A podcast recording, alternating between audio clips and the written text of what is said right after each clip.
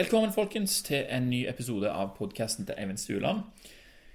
I denne episoden her så skal jeg gå gjennom en del ting som jeg fikk med meg når jeg leste ei bok som heter 'Thinking Fast and Slow' av eh, Daniel Kahneman. Eh, og jeg kan ikke si annet enn at dette her er en av de mest interessante bøkene jeg noensinne har lest. Det var så sykt mye greier i denne boka her at jeg hadde problemer med å ha nok plass bak i boka til å notere sidetall der jeg kunne finne tilbake til interessante ting. Eh, for noen uker siden så leste jeg en bok som heter The Undoing Project, eh, og den ga meg enormt mye mersmak. Og den handla jo om forfatteren av denne boka, Daniel Kahneman, og eh, en som heter Amos Tversky, som han jobba veldig mye med.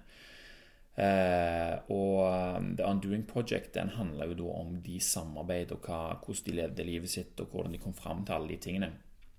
Og det som var så kjekt, helt uten at jeg hadde planlagt det, så kom den boka i posten samme dag som jeg var ferdig med å lese The Undoing Project. Så en eh, ganske et sprøtt sammentreff der, altså. Men uh, uansett, den The Undoing Project den har jeg lagt en episode på òg, og det kan du høre mer om i episode 27. Eh, eller så kan du melde deg på nyhetsbrevet mitt på podkasten.no. Og om du føler for det, så kan du òg nå være med på å støtte podkasten med ekte dollars på patrion.com. Bare gå på Patrion og søk på podkasten, så kommer det fram.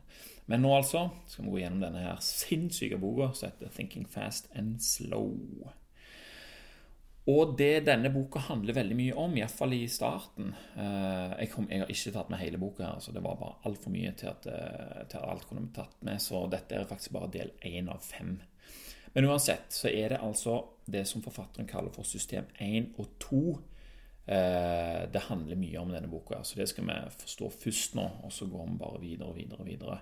Og jeg må jo bare si først at jeg har ikke tatt med alt. Det, det klarer jeg ikke. Og så kan det godt være at trukket feil slutninger eller sånne ting. Det må du bare Hvis du vil være sikker på alt dette her, så må du bare kjøpe boka og lese den sjøl. Og det vil du ikke tape på uansett. Men som sagt, boken begynner med en introduksjon og forklaring av det som forfatteren kaller for de to hovedkarakterene i boka, da, system 1 og system 2. Og det er stort sett disse to systemene som tar avgjørelser og forteller oss hva vi skal gjøre i forhold til hva vi opplever i livene våre. Og et enkelt eksempel på, som sier mye om hvordan de to systemene virker, eh, forskjellig, er hvordan vi tenker når vi ser på to forskjellige regnestykker. Sant? Eksempel nummer én to pluss to er lik. Svaret kommer automatisk uten at du trenger å tenke noe videre over det. Sant? Svaret er jo fire, og det kommer like lett eh, til oss som om vi skulle bare ha lest det rett av. Men når vi ser på Og det er det som er til, eller det er det som er funksjonen til, til system 1. Den gir deg et svar som er logisk med en gang du ser det. Men når vi ser på eksempel nummer to, derimot, 17 ganger 24, så forstår vi fort hva system 2 er. Vi vet hvordan vi skal regne dette her ut, men det krever mer enn bare et blikk på tallene for å finne det riktige svaret. Er du med på tanken? Vi må, vi må, liksom, å, vi må anstrenge oss og, og, virkelig regne dette ut for å finne det i forhold til eksempel nummer 1. 2 pluss 2 4. Veldig lett. Stort sett så identifiserer vi oss sjøl med system 2. Og eh, det er liksom den bevisste og fornuftige delen av oss som tar avgjørelser, har forståelse, resonnerer og bestemmer hva vi skal tenke, tro og gjøre. System nummer én er i stand til å ta avgjørelser ut ifra eh, ganske overraskende komplekse mønster av ideer. Men det er bare system 2 som kan konstruere tanker steg for steg og lage forståelse av noe og kan overstyre impulsene og assosiasjonene som system 1 genererer, hvis du er på den tanken. Så her er det noen eksempler på hva system 1 kan ta seg av. System 1 kan se at eh, f.eks. at eh, et objekt er lenger vekke fra et annet et. Hvis du ser en bil langt ned i veien og et tre som står nærmere. Ok, system 1 pst, uten, uten, noe eh, anstrengelse. Det bare skjer automatisk. sant? Det kan òg lese en tekst på en plakat på det språket du snakker. Puff, du leser det uten å tenke. Sant? Hvis du kjører forbi Essoen, så ser du opp SO. Sånn. Det er system 1. Og system 1 kan òg fullføre setninger som kniv og gaffel. Sant? Og så kan du merke på stemmen til noen at de er f.eks. sinte eller glad. Og du kan høre hvor en lyd kommer fra. Det er òg system 1. Og vi kan forstå enkle setninger på vårt eget språk. Alt dette her er veldig lett for system 1 eh, å være sikker på og å forstå uten noe anstrengelser. Eh, noe er automatisk, som f.eks. frukt fra edderkopper, mens andre ting kan læres opp, som å oppdage nyanser i sosiale sammenhenger. Sånn. Det trenger trening, men etter hvert som du trener system 1, via system 2 nå, ofte, så, så vil dette her bli liksom en egenskap som du tilegner deg. Eh, og det kommer jo av at en blir utsatt for noe mange ganger. Eh, og så danner det som beskrives som, ja, det som beskrives som komplekse mønstre av forståelse. da. Og dette er ikke noe som skjer helt sånn ufrivillig. Nei, det sa jeg feil. Dette er noe som skjer helt ufrivillig. Du kan ikke motstå å forstå enkle setninger fra ditt eget språk, eller å ikke vite hva 2 pluss 2 er. Du, du, vet hva 2 pluss 2 er, og da er det bare sånn. Vi vet det bare. Eh, system 2 kobles inn når vi vil bruke oppmerksomheten vår på noe. Og Her er noen eksempler på hva system 2 tar seg av. For eksempel, hvis du befinner deg i byen, og det er en folkemengde her, så kan du bruke system 2 til å prøve å fokusere på én av de stemmene i den folkemengden. Eller i den samme folkemengden og prøve å se etter ei dame med lyst hår, f.eks. Du bruker også system 2 når du prøver å gå fortere enn det du er vant til. Og selvfølgelig når du lukeparkerer. Noen vil nok påstå at de bruker system 1 på å lukeparkere, og det kan jo også stemme, men du skjønner tanken. sant? Noe som er litt mer krevende. Og det å sammenligne f.eks. to vaskemaskiner opp mot hverandre, hva, hvor mye koster den ene, og, og hva har den i funksjoner i forhold til den andre, osv. Og også finne ut om et logisk argument holder vann. Sant? Alle disse situasjonene her krever oppmerksomhet, og du vil gjøre det dårlig om du ikke er konsentrert. System 2 har en evne til å endre system 1 ved å programmere det for andre ting enn det det er vant til. Som f.eks. hvis du vil kjøre bil i England. Da vet du jo at de kjører på andre sida av veien, og du klarer å forandre på de automatiske handlingsmønstrene sånn at de tilpasser seg den nye situasjonen. Men det krever jo da òg at du følger med og er bevisst på hva du gjør. Og vi har et begrensa budsjett når det kommer til å følge med. Altså System 2 har et begrensa budsjett. Og hvis vi overskrider budsjettet, så vil kanskje ting begynne å gå galt. System 1 går automatisk kontinuerlig hele tida. Mens system 2 er egentlig et litt sånn latmannssystem som vanligvis bare ligger og hviler i bakgrunnen. System 1 gir kontinuerlig forslag til system 2, som system 2 da stort sett godtar og gjør om til oppfatninger og impulser som igjen blir til frivillige handlinger. Når system 1 oppdager et problem uten et åpenbart svar, eller som ikke samsvarer med, med realiteten, noe som man ikke er vant med, så tilkaller system 2 for å se nøyere på saken. Som f.eks. hvis vi blir overraska av en ukjent lyd. Eh, system 2 mobiliseres òg når de merker at system 1 er i ferd med å begå en feil. Er du med på tanken? Noen ganger har vi lyst til å si noe til noen. Sant? Kanskje noe stygt. System 2 sørger for at du behersker deg og unngår konsekvensene av det du egentlig hadde lyst til å si. System 2 får som regel det siste ordet. Men vi er ikke trygge av den grunn. Det som er interessant, er at det krever ganske mye av oss å holde system 2 i gang. Og hvis vi er f.eks. trøtte eller sultne, så vil system 2 ta pause. Sant? Eller ikke helt pause, da, men det blir for krevende å holde det i gang, og det vil ikke være like aktivt. Vi vil i større grad miste noe av impulskontrollen som system 2 står for. Vi kan vel alle, alle kjenne oss igjen i det. altså Er vi trøtte og sultne, er det system 1 som er herren. Selvkontrollen den går ned, og vi gjør mer det som vi føler for, istedenfor å gjøre det som vi gjerne har planlagt og tenkt at vi skal gjøre tidligere. Selvkontroll og anstrengelse det bruker den samme ressursene, system 2. På samme måte som når systemet er utslitt, så vil system 1 ha bredere spillerom når system 2 er opptatt med noe vanskelig. Og Hvis vi har valget mellom to desserter, en sunn og en usunn, samtidig som vi jobber med noe som vi syns er vanskelig, så vil vi mest sannsynlig gå for det som frister mest, det som krever minst avgjørelse. Og, og, samtidig også, Hvis vi jobber med noe som er vanskelig, så har vi en tendens til å bli mer egoistiske og ta mer overfladiske avgjørelser. Mye på samme måte som når vi drikker alkohol eller har hatt lite søvn. Selvkontroll og vilje er utmattende, og et interessant forsøk utført av en som heter Baumeister, viste at personer som hadde sett en eh, emosjonelt krevende film, presterte dårligere kognitivt og hadde lettere å få gi opp eh, på en, eh, en vanskelig oppgave når de de hadde lettere for å gi opp når de hadde tært på system nummer to ved å se denne her emosjonelt krevende filmen. Bruker vi mye viljestyrke på å holde oss fra f.eks. å spise noe vi ikke vil utsette kroppen for, er vi mer utsatt for å gi opp andre oppgaver som òg krever kapasitet fra system nummer to.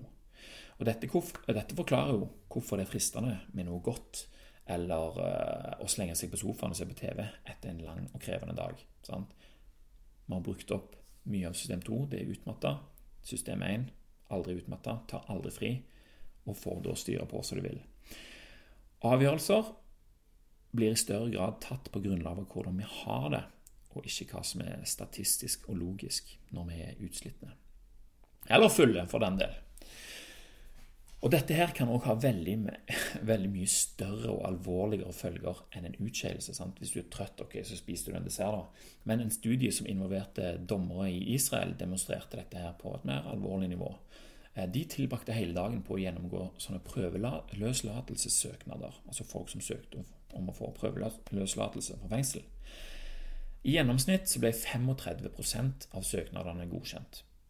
Men det som var interessant, var at godkjennelsene gikk fra omtrent 65 rett etter et måltid, og sakte, men sikkert etter hvert så glukosen ble brukt opp, så gikk det helt ned til 0% før neste måltid.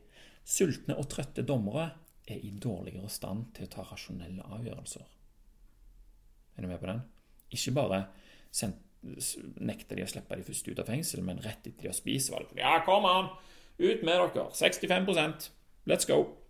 Og det er her jeg tenker på fordelene med å være i, i ketose, f.eks. For, eksempel, for system 2 bruker av, eh, av glukoselagre. Og hvis du er i ketose Dette står ikke noe om i boka, men det var det jeg tenkte når jeg leste det.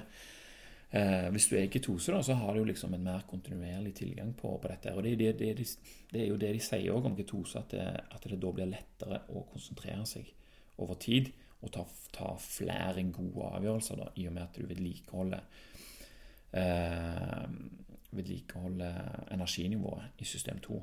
Så her kan vi legge opp til å ikke være så utsatt for å oppføre oss uhensiktsmessig i forhold til det som har planlagt.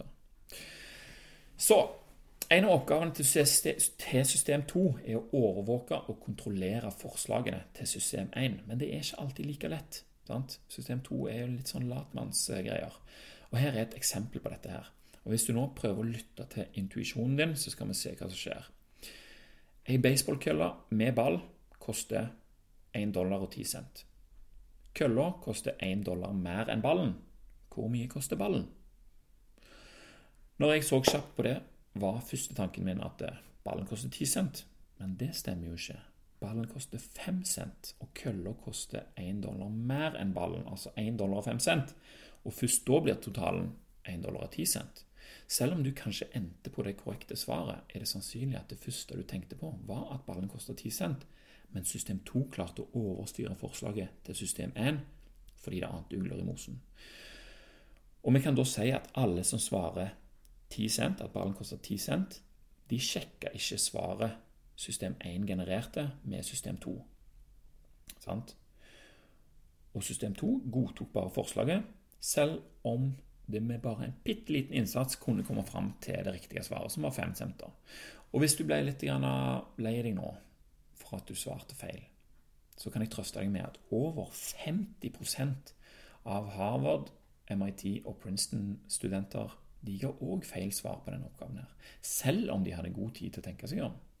Og ved mindre prestisjetunge universitet var andelen over 80% som svarte feil.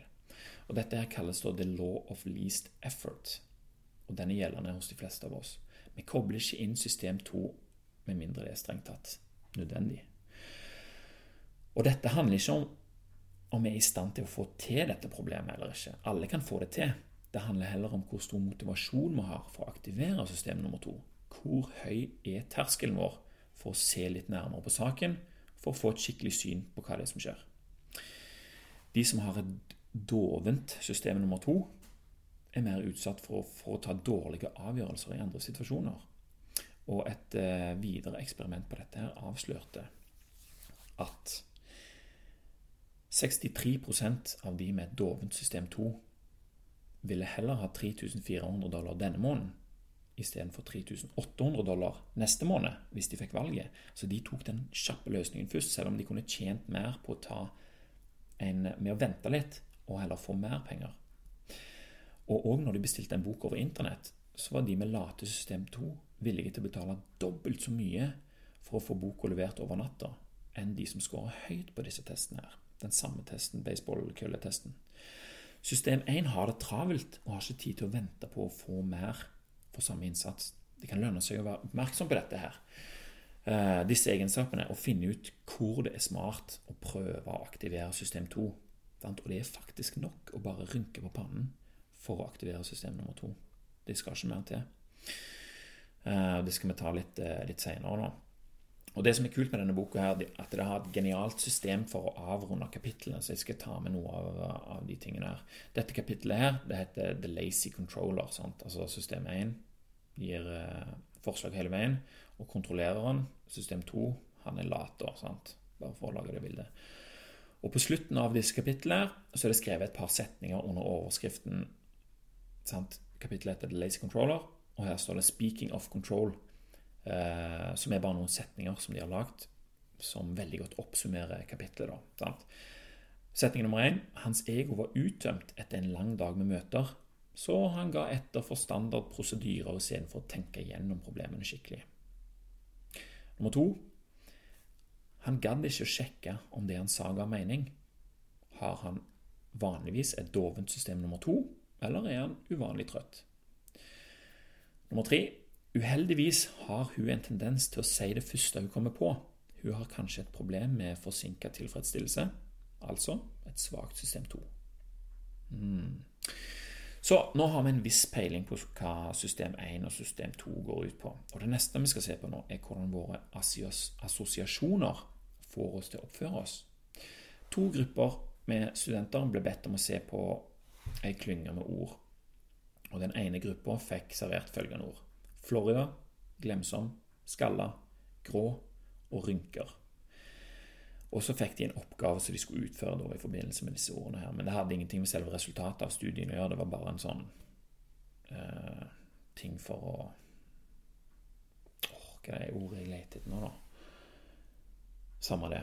Uansett. Oppgaven hadde ikke noe med selve resultatet å gjøre, men det, de fikk disse ordene her som de skulle jobbe med. Etterpå så ble, ble, de bedt om å gå ned i gangen til et annet kontor for å utføre en ny oppgave der. Og de studentene som jobba med ord som vi kan da assosiere med gamle folk, som de ordene som eh, var i eksempelet, de bevegde seg markant saktere ned til neste kontor enn studenter som hadde hatt med andre ord å gjøre. med. Skjønner du? Og ordet 'gammel' ble ikke engang nevnt men de oppførte seg som om de var gamle, gikk mye senere. Og Dette ble da døpt Florida-effekten, og er en form for, noe som kalles for priming. Først forbinder hjernen ordene med en tilstand, altså de så de ordene, og de forbandt det med noe, en gammel person, som videre da førte til at de oppførte seg i tråd med denne tilstanden som en gammel. Og Hvis vi da tenker på hva for en verden vi lever i, og hva slags enorm påvirkning vi blir utsatt for, gjennom dagen. Aviser, nyheter, reklame, musikk, sosiale medier. Hvor mye av det vi gjør, er andre sine ønsker som vet om dette priming-greiene? Det kan du begynne å lure på.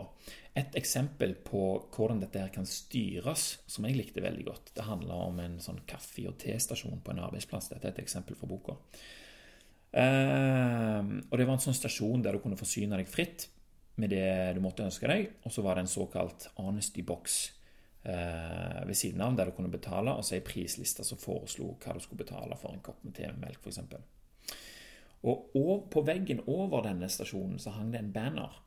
Og denne banneren den ble bytta ut hver uke i ti uker. Den ene uka var det bilde av blomster, og den andre uka var det bilde av noens øyne. Bare øynene, liksom. Akkurat som eh, rett fra, fra, pannen til midt på nesen. Og så ble dette bytta annenhver uke da, i ti uker. Uh, ingen av de ansatte hadde kommentert dette, her, men effekten i Honesty-boksen viste en heftig forskjell på hvor villige folk var til å betale for det de forsynte seg med. Bidragene var gjennomsnittlig tre ganger høyere når det var øyeuke, enn når det var blomsteruke. Og følelsen av øyne gikk direkte på hvor ærlige brukerne av eh, T-stasjonen var. Og her tenker jeg at det er mange bruksområder. altså Én ting er jo liksom hvordan du skal få folk til å kjøpe sjokolade eller brus pga. dette, men hva med om vi ønsker at folk skal oppføre seg bedre for fellesskapet, sånn som med, med denne her Honesty-greiene her.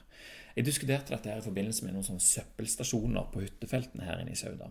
Mange som benytter disse, eller mange, mange, jeg vet ikke jeg, noen som benytter seg av disse søppelstasjonene, de gjør ikke som anvist. sant? Altså De ser det kanskje ikke som sitt ansvar å, å holde orden, så de bare går inn, kaster søppelet og stikker. Og jeg, jeg har døpt denne oppførselen for min del, jeg, jeg kaller det for hit and run-mentalitet. Jeg kommer inn, kaster søppelet, kommer meg vekk så fort som mulig. Det ser jeg for meg at de tenker da. Ut av syn, ansvaret er ikke mitt lenger. Yes! Jeg kommer meg unna uten å resirkulere eller gjøre det jeg skulle. Yes! Sant? Hit and run-mentalitet. Men hva om det hadde vært et stort bilde av ordføreren med armene i kross som skuer utover de forskjellige resirkuleringsbanene? Kunne det ha prima disse her til å være mer ærlige og mer flinke til å, til å sortere søppel på en rett måte? Jeg bare stiller spørsmålet. Jeg vet ikke. Men i forhold til det forsøket som ble gjort her, så kan jo ting tyde på det, da. Og én ting er jo å prøve å prime andre, men det er òg mulig å prime seg sjøl. Og lure seg sjøl til å føle noe ved å utføre en handling. Det, det syns jeg er veldig kjekt.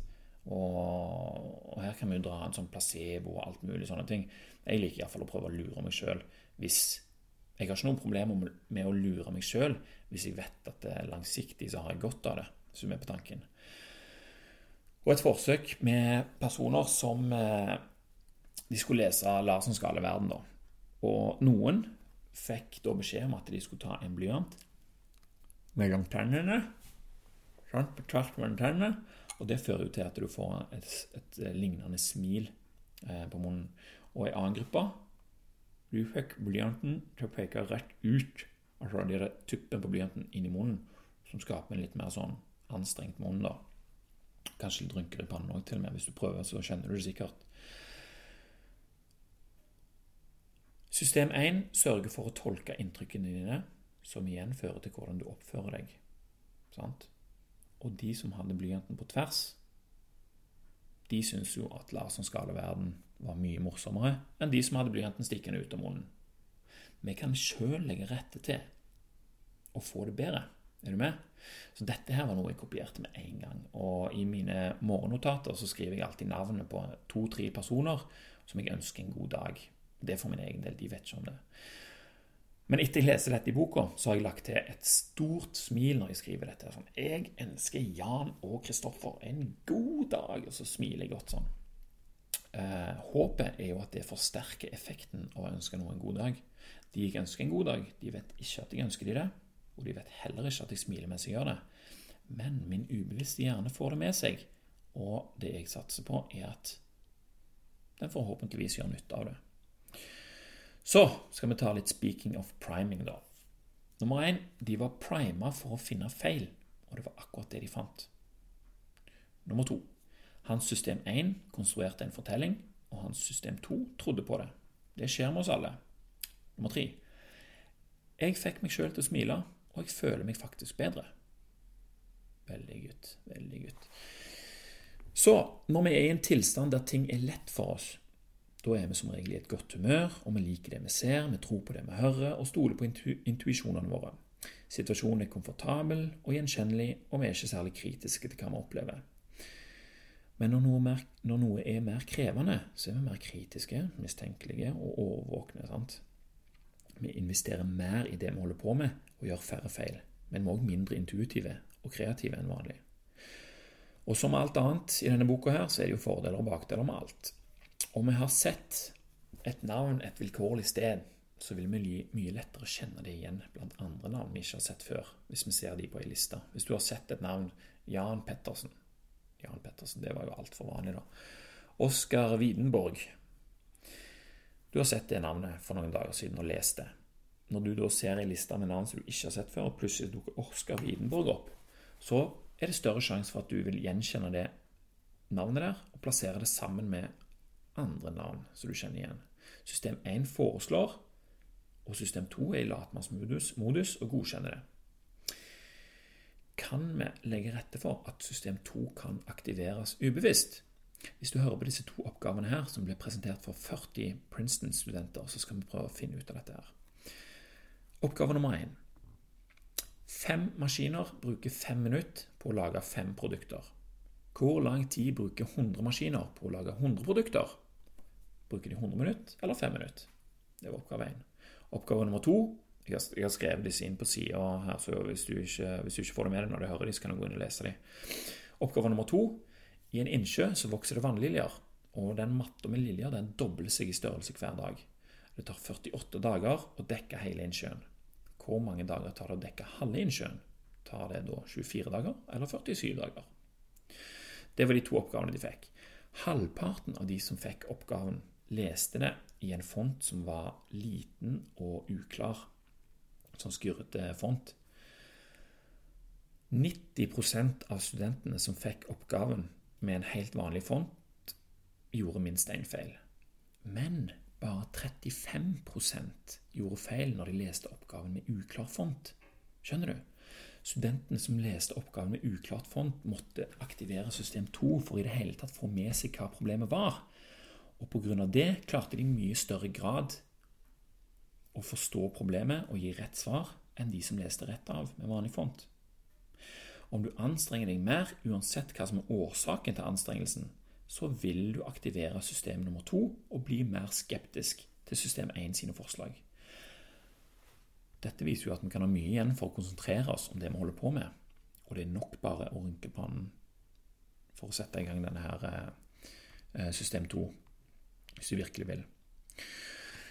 Ok, så når vi går fra noe eh, når, vi, når, når går noe fra å overraske oss til å bli normalt for oss? I boka så forteller forfatteren om en gang han og kona var på ferie på et sånt resort ved Great Barrier Reef. Av bare 40 gjester på dette stedet her, så var det altså Jon de traff. En psykologvenn av Daniel. For et overraskende sammentreff. Ikke det utrolig? 40 personer på Great Barrier Reef. Og der var han, så han kjente fra før av. To uker senere var Daniel kona i teater i London, og etter at lyset var gått av og forestillingen var begynt, så kom det en tilskuer og satte seg ved siden av dem. Når forestillingen var over og lyset kom på igjen, hvem andre enn Jon var det som satt ved siden av de? Hadde det vært hvem som helst andre bekjente, hadde dette vært veldig overraskende. Men siden det var Jon, det var jo han de alltid traff på usannsynlige steder, så var det allerede mindre overraskende. System 2 syns at dette her er et sammentreff uten sidestykke. Det er, jo, det, er jo, helt utrolig, hvis du tenker over det. Men system 1 er mer avslappa og godtar sammentreffet uten å legge for mye i det. Ja, ja, det er jo Jon, det han.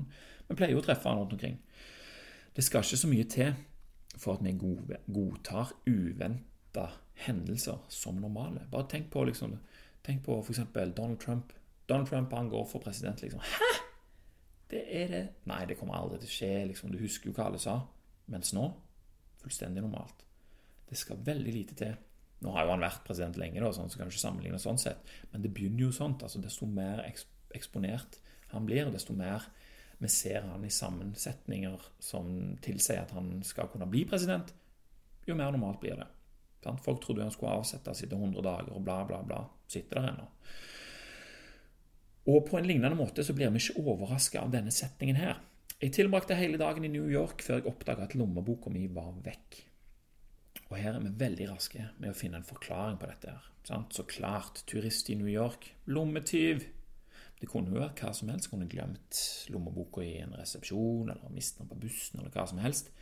Men vi vil ha en rask forklaring på det hele, og en forklaring er noe vi alltid vil ha. Vi hopper gjerne rett på den forklaringen system 1 serverer oss. Sant? Akkurat som med Jon. Han ga, ga, forklaringen Ja, Jon han treffer meg alltid rundt omkring. Jeg var i New York, mistet lommeboka. Ja, så klart det var en lommetyv. Uh, og hvis da system 1 serverer oss en grunn som eh, gir tilstrekkelig mening, så godtar også system 2 denne her eh, forklaringen. System 1 forutinntar at det som skjer, er sant, og system 2 er der for å gå dette nærmere, eh, nærmere i sømmene. Men system 2 kan bare trekke konklusjoner ut ifra den informasjonen den har. Sant? Så hvis det er ingenting som tilsier at det er noe annet som har skjedd, så er vel godtatt. Og da kommer vi til noe som heter Eller en forkortelse som blir brukt mye i boka her, som heter Vysiati. Altså W-Y-S-I-A-T-I. What you see is all there is. Og det er en betegnelse på, på at uh, alle de avgjørelsene du tar, det tar du jo kun på grunnlag av det du vet. Du kan ikke ta avgjørelser på grunn av noe du ikke vet. Sant vel? Og siden du vet veldig godt at det er lommetyver i New York, og du ikke har noen andre forklaringer, så kommer det 'What you see is all there is'. Og måten da eh, system 1 og system 2 samarbeider for å bli enige om at denne, dette her er en ganske logisk forklaring, ja Åh, Nå datt jeg av her. Skal vi se Å, fytti katta, dette her er Jeg må bare si det altså igjen. Det er gjerne ikke så lett å følge med, det, fordi det er så sykt mye, og, og det er uh, Jeg måtte ta meg ganske mange pauser mens jeg leste denne boka, bare for å stirre ut i lufta og tenke. altså. Men skal vi se hvor var det var henne her. Mm, ja. Det som er veldig uinteressant for system 1, det er å veie informasjonen en kommer opp med i forhold til kvalitet. Og, eh, og ved mangel på informasjon så hopper system 1 veldig raskt til konklusjoner. Helt, helt uten å tenke på hva kvaliteten er. Så det må bare ha en årsak. Eh, selv om det egentlig er ganske usannsynlig, så blir det, blir det sannsynlig. Fordi at det, det finner ikke noen andre eh, Du har ikke nok informasjon til å trekke grundigere konklusjoner. da. Se for deg følgende her, hvis du hører dette.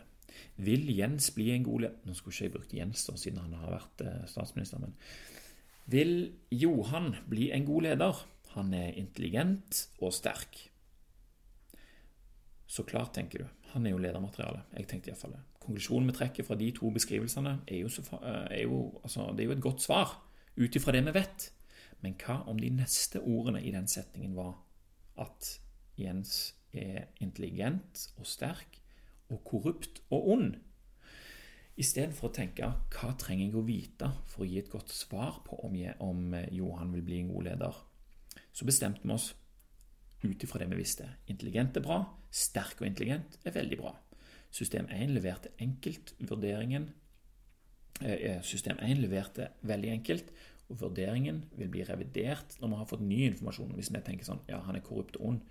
Men vi er allerede partiske til førsteinntrykket, og vi vil lete etter flere bekreftelser på dette her, istedenfor å hoppe over på at vi ikke syns han er en god leder siden han er korrupt ond. Han er jo intelligent og sterk. sant? Skjønner du hva jeg mener? Litt vanskelig å forklare dette. her. Men å hoppe til konklusjoner ved begrensa tilgang til informasjon er veldig viktig for, for, for, å forstå intuitiv tenkning, altså Busiati. What you see is all there is. System 1 bryr seg lite om både kvalitet og kvantitet når system 1 trekker sine konklusjoner. System 1 er alltid operativ og vil alltid ha forslag til hva som skjer, uansett hvor usannsynlig det er. Det skal vi høre om litt senere òg, på hvordan system 1 svarer på andre spørsmål om det det blir stilt. Det er ganske morsomt. System 2 aktiveres om det er noe som ser ut til å ikke stemme, men bare om de ikke er opptatt med noe annet. Altså akkurat som eh, hvis du konsentrerer deg om noe, så er ikke system 2 like flink til å rette på system 1, eller hvis du er utslitt eller full, f.eks. Vi har alle hørt én side av en sak og trukket en åpenbar konklusjon. sant? Peder han kommer og sier han sånn, vet du hva skjedde, sånn og sånn og sånn, og det og det skjedde, og da gjorde han det. Høres ikke det helt vilt ut? Jo, helt enige. Helt til vi hører den andre siden av saken. Da vil vi jo enten forkaste den nye informasjonen, eller så setter vi system 2 på saken for å veie disse argumentene mot de gamle. Det er mer krevende, og system 2 er i utgangspunktet et system, et system som vil ha hvile. sant? Vi er sikre på vår sak ut ifra hvor god historie vi klarer å lage om det vi vet, selv om vi vet veldig lite. Vi tenker ikke over at det kan mangle beviser som er viktige for beslutningen vår.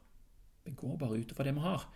Våre assosiasjoner ser på sammenhengen i historien vi har lagd, og undertrykker potensiell tvil.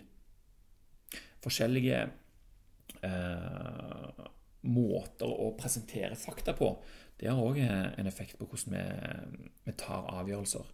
F.eks. hør på dette her, da. Det er en 90 sjanse for å overleve denne operasjonen her. Ja, det høres jo ganske ok ut, det. Men hva hvis vi sier det er 10% sjanse for å dø som følge av denne operasjonen her? Det høres ikke så bra ut.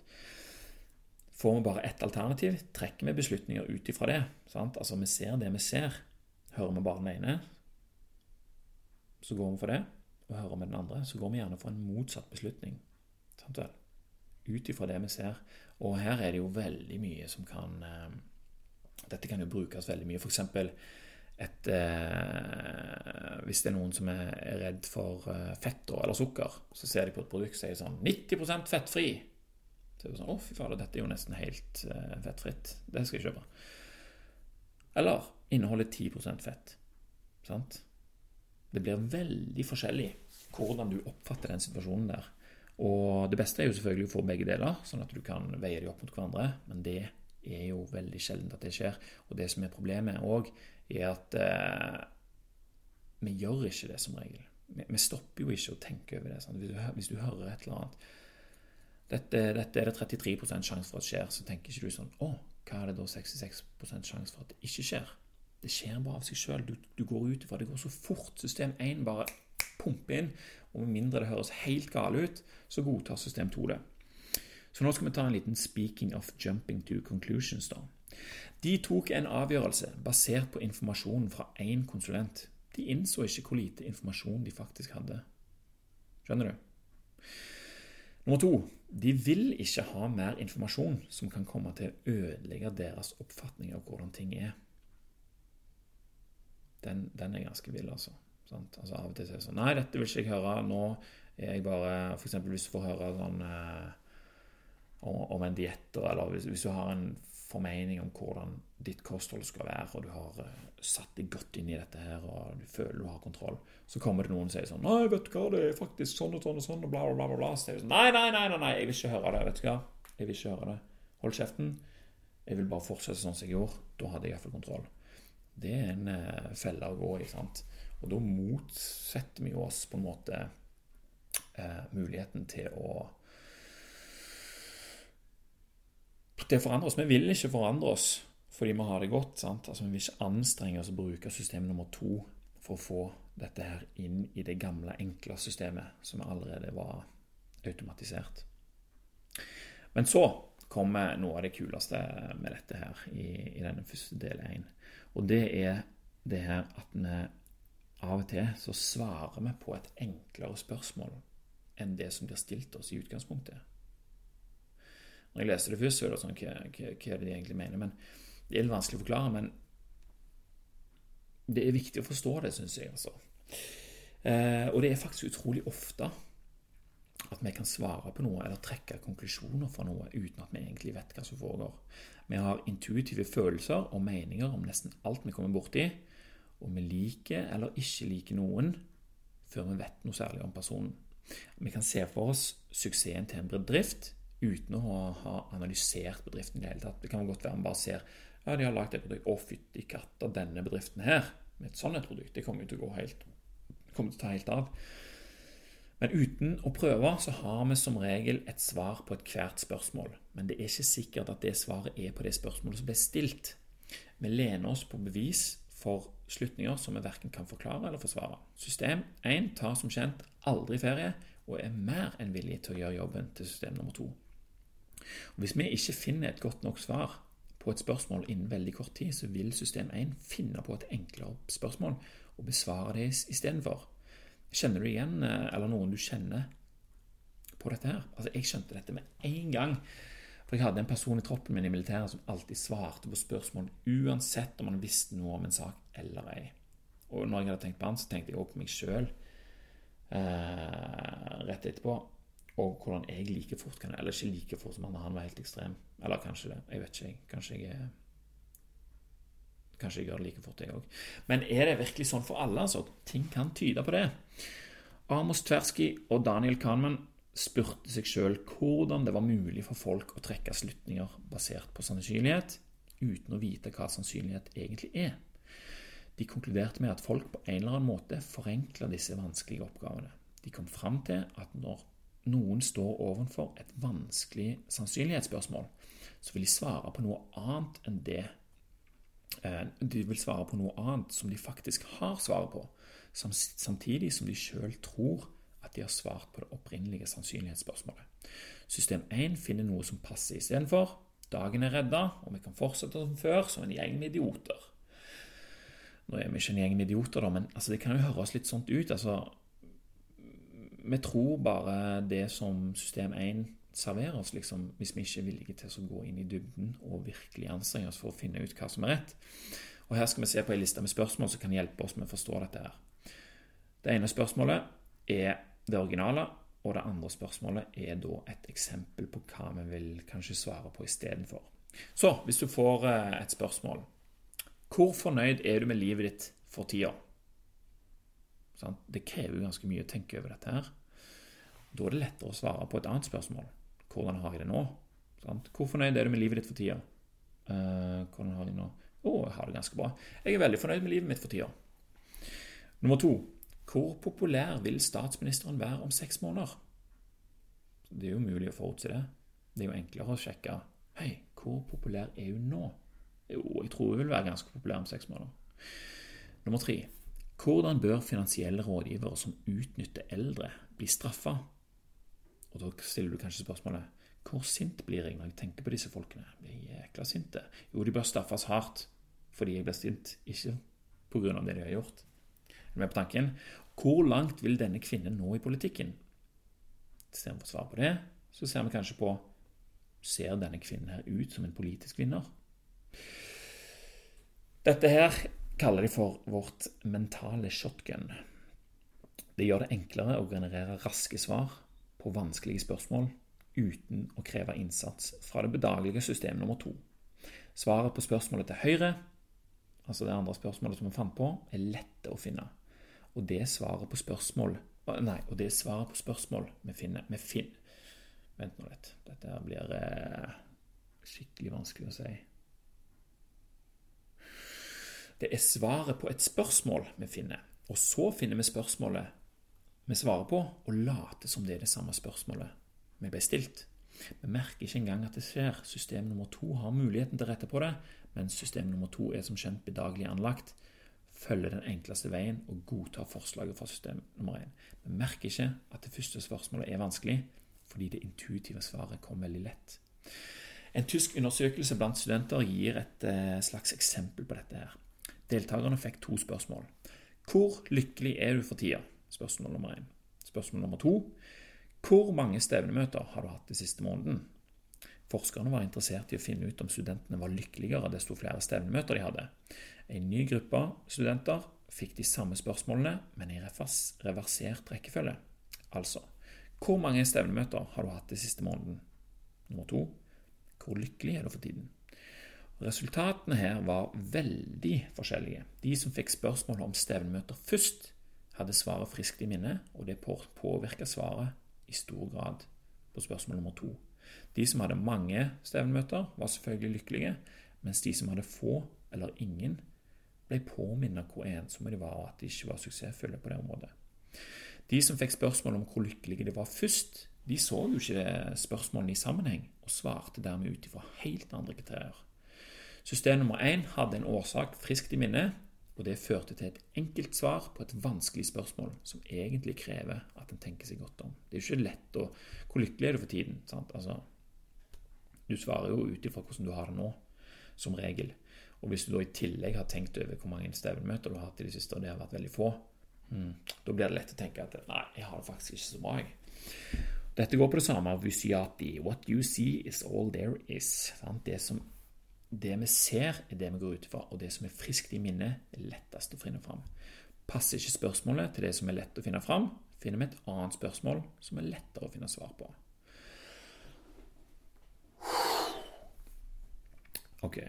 Det var ikke hele boka, for å si det sånn. Det der var bare del én av fem, og en brøkdel av det som sådan. Og Jeg minner om at dette bare var en veldig kort gjennomgang av hva som står i denne boka, og at jeg ikke er i stand til å få meg galt. Og det kan òg hende at jeg har tolka ting feil. Uansett så anbefaler denne boka her på det sterkeste, og jeg er glad for at eh, jeg går igjennom og lager denne episoden her på sånn at jeg får jobbe enda mer med stoffet liksom, utenom å, å, lese og notere. Eh, dette her er ikke noe sånn stoff som du kan forvente at sitter bom etter bare ett les. Det er så mye greier å tenke over her at det, det er faktisk vanskelig å lese for mye på en gang. Og Etter å ha lest eh, boka så fant jeg òg ut at den fantes på norsk og kan kjøpes både her og der. Og det er jo alltid eh, Jeg leser den på engelsk, og det er jo alltid litt mer krevende å lese på et annet språk, men samtidig så lærer jeg jo nye ord og blir tvungen til å lese ting flere ganger for å forstå det bedre. Og vi vet jo hva det fører til. Aktivisering av system nummer to, som gjør at jeg husker det nå enda bedre. Eh, og denne boka her, den inneholder altså så mange ting som det kan være nyttig å installere i, i eget liv. Eh, boka den scorer veldig høyt på stopp og måp-skalaen. Det er den skalaen som måler hvor, gang, hvor, mange ganger jeg må stoppe og stirre ut i lufta for å fordøye det jeg har lest, for så å lese det en gang til. Faktisk er den helt på topp med ti av ti stopp- og måp-poeng. Eh, men det er bare fordi jeg ikke har lest noe som er mer. sant? Du vet, Vysiati. Skal jeg gi den ni av ti og tro at noe annet kommer som er høyere på skalaen? Eller skal jeg bare gå ut ifra, sånn det er nå? Jeg tror jeg går ut ifra sånn det er nå, og gir den ti av ti. Og jeg skal kjøpe denne boka her på norsk òg, sånn at jeg får det enda bedre inn. Jeg kjenner igjen masse av dette her etter jeg har lest boka, så ser jeg disse tingene overalt i dagliglivet. Og ikke bare der, men òg i massevis av bøker eh, og ting som du leser og ser. Altså, det kommer overalt. Og jeg begynner jo å tenke liksom sånn Faen, de som jobber med ditt og datt, eller de som er dommere, f.eks., eller de som er politi, og de som vet Statsministeren, vet de dette her? Liksom? Vet de at det er sånn? Det er veldig lett å liksom bli litt sånn bekymra over alt det her. Eh, altså, ingen kan jo gå rundt og vite alle disse her tingene her og handle liksom helt korrekt. Det er litt skummelt. Men uansett, da eh, Jeg kan bedre skjønne hva som foregår og da kan jeg òg være i stand til å ta bedre beslutninger for min egen del. Det blir jo aldri perfekt, men det kan jo alltid bli bedre. Og det er jo det det egentlig handler om, alt sammen. Så hvis du vil velge deg på nyhetsbrevet ditt, så kan du gjøre det på podkasten.no. Og hvis du vil støtte podkasten med en ekte amerikanske dollar eller to, eller fem, så kan du gjøre det på patrion.com. Bare søk på podkasten når du er der inne. Jeg har allerede fått en velgjører der inne. Det er jo det Patrion betyr. Velgjører. Jeg fikk en mail. Der sto det en person har gitt fem dollar per episode du legger ut. Og jeg kan ikke beskrive hvor overraska jeg ble over hvor glad jeg ble når det skjedde. Så tusen, tusen takk til deg som vil gjøre det. Det har jeg tenkt mye på og smilt veldig mye av. Patrion.com, altså, hvis du vil det. Så klart ingen press, og så klart ingen forventning. Det var det, folkens. Om du finner det for godt å gi meg en tilbakemelding, på dette eller noe annet, så er det bare til å skyte av vei. Og det kan du gjøre på eivendatpodcasten.no. Og da vil jeg bare si tusen takk for i dag. Tusen takk for meg. Og takk for at du hørte på. Vi snakkes.